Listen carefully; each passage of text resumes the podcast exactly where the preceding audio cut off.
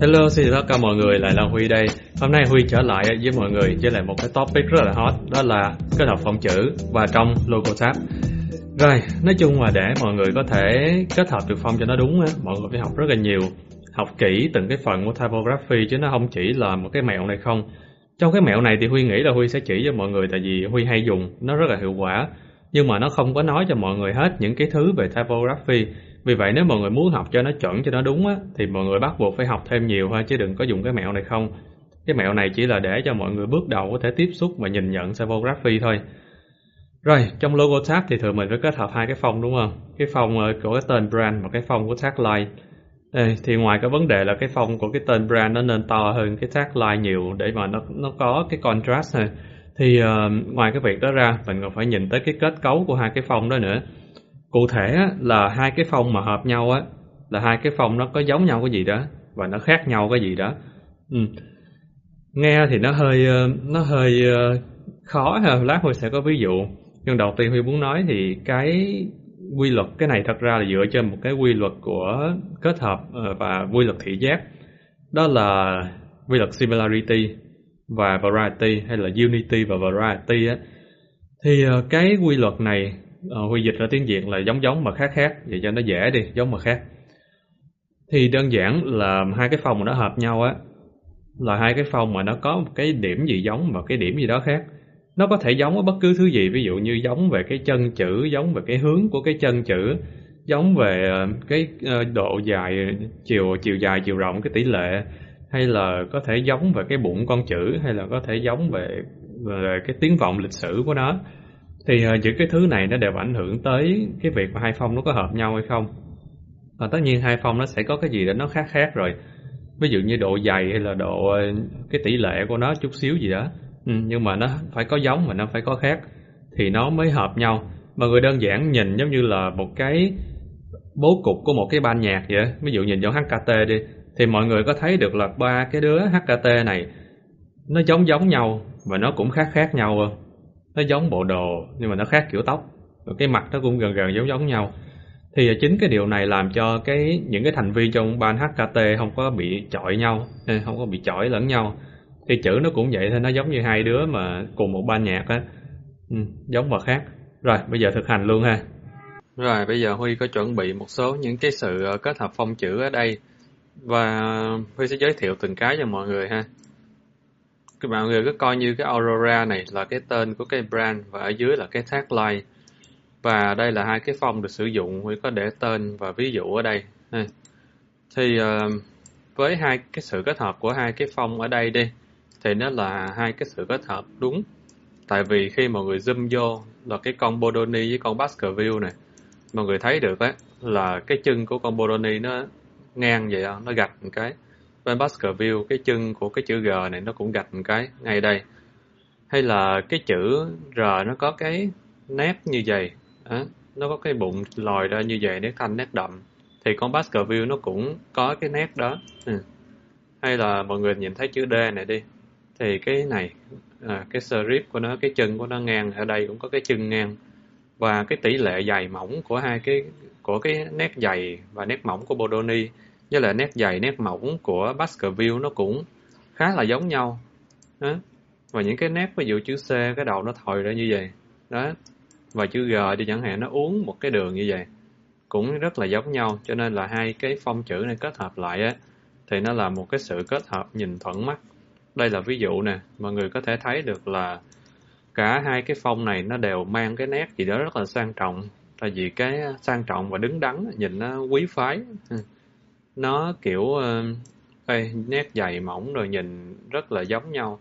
Và một cái nữa mọi người cũng có thể thấy được là cái cái trục chữ của nó, nó thẳng đứng. Ví dụ như là cái chữ, ờ, O này đi, chữ O này trục nó đứng này, chữ O này trục cũng đứng. Vì vậy mà hai phông này khi mà mình mix lại với nhau thì nhìn nó rất là sang trọng mà nó cùng một cái feel, cùng một cái, ờ, cảm nhận ha. Cho nên đó là một cái, sự kết hợp chữ thành công. Nhưng mà xuống đây mọi người nhìn ha, hai cái phong này. Khi mọi người nhìn vào hai cái phong này á, thì cái chữ G ở đây thì tất nhiên nó cũng có cái đường ngang đúng không? Nhưng mà nó không đủ, cái đó là nó không đủ uh, unity, nó không có đủ giống nhau. Tại vì khi mà người so cái nét có chữ G ở trên của Bodoni thì cái tương phản dày mỏng của nó nó cao hơn ở dưới đây rất là nhiều. Cái chữ G này á, nó giống như cái chữ G mọi người lấy bút xong rồi mọi người viết tay vậy á. Thật ra là nguyên cái đám này chữ nào cũng giống viết tay hết. Chứ nó không có giống cái chữ mà trạm khắc như là cái Bodoni ở trên đây. Nhìn cái này, nhìn cái con chữ nó nó, nó đứng đắn hơn. Còn đây nhìn giống như là bị uh, nét lem mực bình thường thôi. Ừ. Những cái tương phản của nó hay là chữ P, cái chỗ này gạch qua thì cái chỗ này nó lại là cái uh, xìu xuống như vậy. Chữ R cũng vậy. Và cái đường móc của cái chỗ R này nó cũng không có giống nhau. Ừ. Chữ G này nhìn nó cũng uh, buông thả hơn cái chữ G ở trên đây rất là nhiều. Cho nên uh, nếu mà mọi người kết hợp hai cái phong này với nhau thì nhìn nó hơi bị chỏi.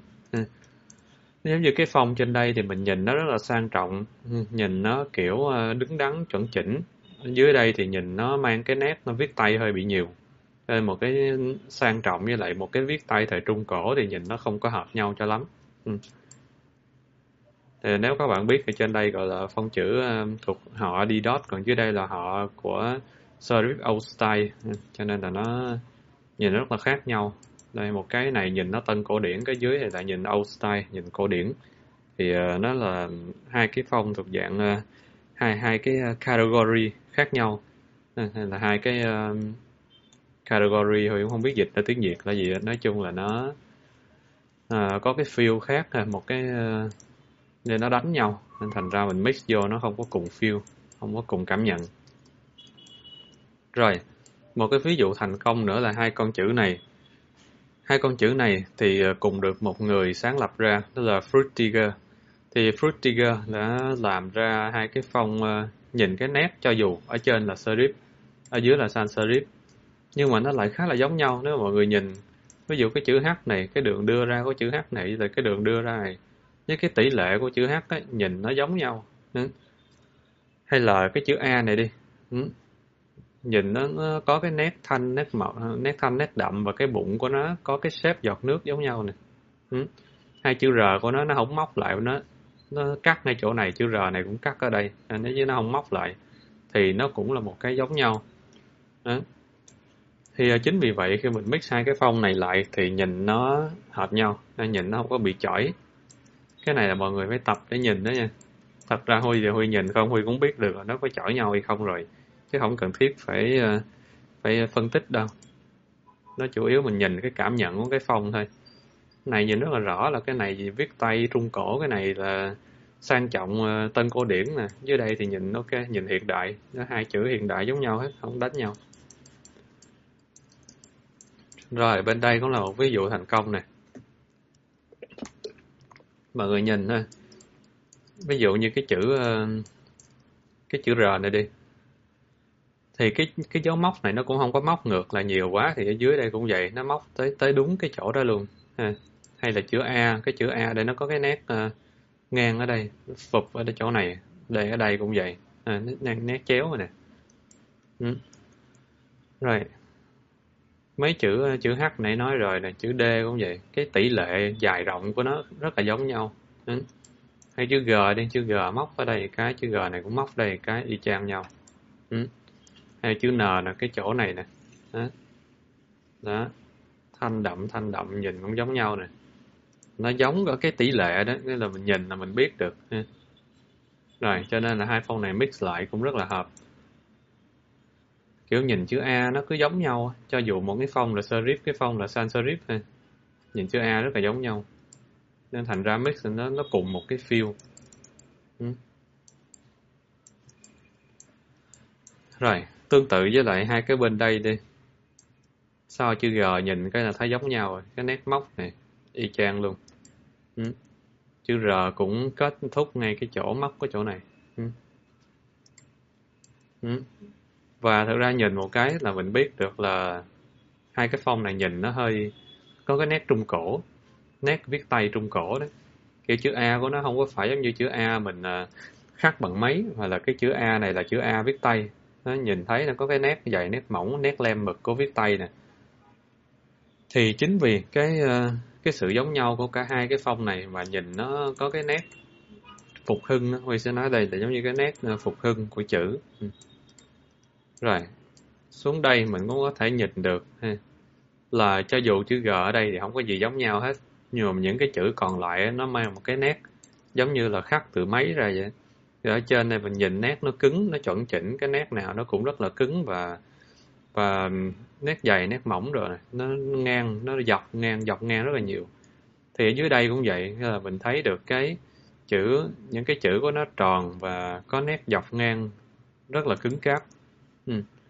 ở trên này giống như được khắc là bằng máy có máy tiện máy ờ, nó làm nó cắt nó chữ ra thì dưới đây cũng vậy cho nên là khi hai cái chữ này mix với nhau thì nhìn nó rất hợp hai cái này nhìn đều cứng chắc hết ừ, trục chữ là đứng lên hẳn luôn ừ. chữ O này trục chữ đứng nè ừ. thì uh, mình phải tập nhìn như thế này để mà khi mình kết hợp lại phong nó không có chỏi nhau ha ừ. rồi nhìn lại mấy phong uh, ờ, kết hợp thành công ha. Đây.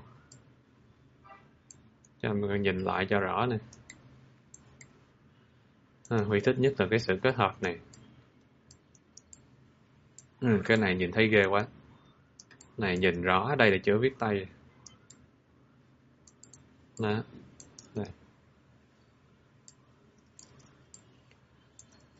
rồi. Đó chứ khi mọi người uh, kết hợp chữ thì mình nhìn coi là cái feel như thế nào thôi. Nhìn uh, như huy thì uh, chủ yếu mình học nhiều á mình coi nhiều về lịch sử của tụi nó.